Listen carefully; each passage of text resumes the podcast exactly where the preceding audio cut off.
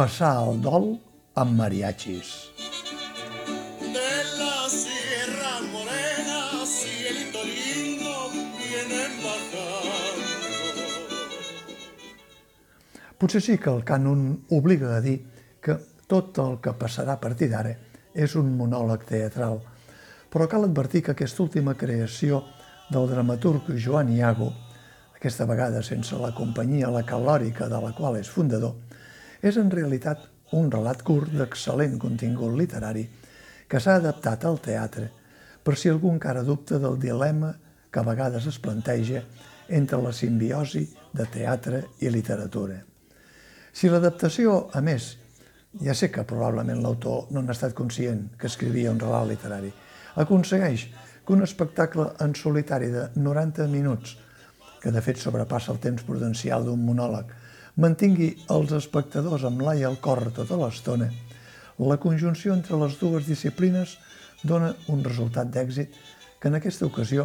cal atribuir sobretot a la interpretació de Nil Cardoner, però que també és una combinació triangular del mateix Joan Iago com a autor, de l'actor Nil Cardoner que assumeix el paper de l'adolescent de 16 anys que s'enfronta a la malaltia durant 10 anys i la mort del pare, i de la directora Glòria Balanyal Timide. Els tres s'enfronten a una realitat fràgil i inevitable que només pot ser tocada amb guants de seda, com aquells guants amb què es consulten els antics incunables. L'adolescent protagonista fa una mena de road movie urbana que dura no gaire més d'una hora, gairebé doncs una part del tempo real de la representació d'hora i mitja. Un recorregut que va des que rep l'avís que vagi a l'hospital si vol veure per última vegada el seu pare fins a l'últim contacte amb ell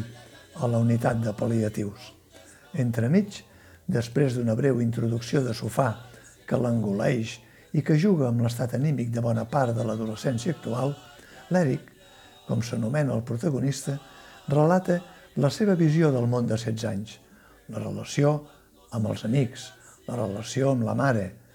amb el seu germà que té 5 anys menys que ell, la visió de la parada del bus d'un infant disfressat de pingüí, de la festa dels amics i del viatge en bus i un avi amb cadira de rodes, del tram de carrer fosc fins a aturar un taxi, del trajecte amb un taxista, de l'última conversa amb el pare. L'actor Nil Cardoner, que acaba de sortir del paper de Romeu i Julieta que es va veure al Teatre Poliorama dirigit per David Selves, però que arrossega encara el seu paper juvenil a Polseres Vermelles, complementa la seva millor interpretació en tots els sentits, amb un constant moviment que s'acosta en alguns moments a la coreografia. S'ajuda quan cal d'un micro, que en alguna escena serveix també per jugar amb dues veus en el relat de la conversa amb el pare. Es mou davant d'un mur transparent que il·lustra el recorregut amb una nebulosa d'imatges urbanes o surrealistes i que serveix també perquè projecti el somni d'infància de ser astronauta. L'Eric fa un recorregut que en certs moments pot semblar, salvant totes les distàncies, perquè allí hi havia un repartiment més ampli i una temàtica diferent, pot semblar el que feia també l'actor Paul López fa vuit anys al mateix escenari del Teatre Lliure de Gràcia, amb l'adolescent protagonista de l'adaptació de l'obra El curiós incident del gos a mitjanit, de Mark Haddon. En aquesta proposta de Joan Iago,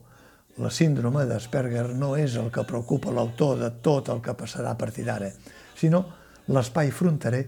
entre l'adolescència i la maduresa, accelerada per la circumstància del dol de la pèrdua del pare als 16 anys,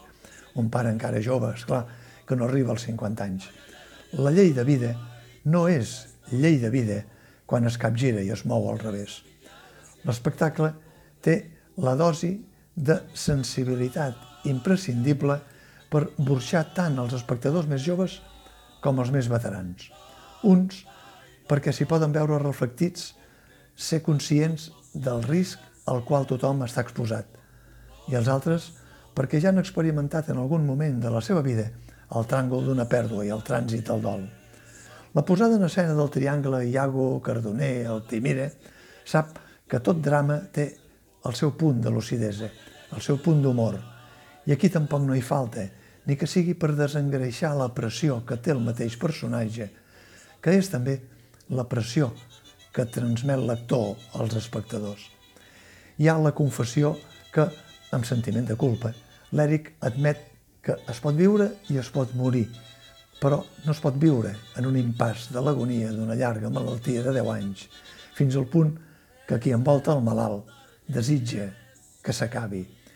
Una confessió que es pot comparar amb la presència dels tres mariachis i que acabaran justificant la seva presència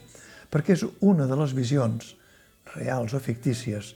de l'adolescent camí de l'hospital i que, explicades amb la frenada del taxi que li fa rejar sang del nas de la trompada, provoquen la resposta encara irònica del pare. I els mariachis estan bé? He vist ulls plorosos en alguns espectadors. I això, en teatre, cada vegada és un impacte més escàs. Nil Cardoner, Joan Iago i Glòria Balanyà en tenen tot el mèrit. Mujeres a millares, cielito lindo, hombres ninguno.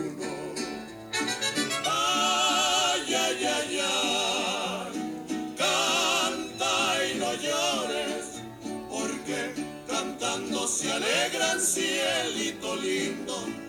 los corazones.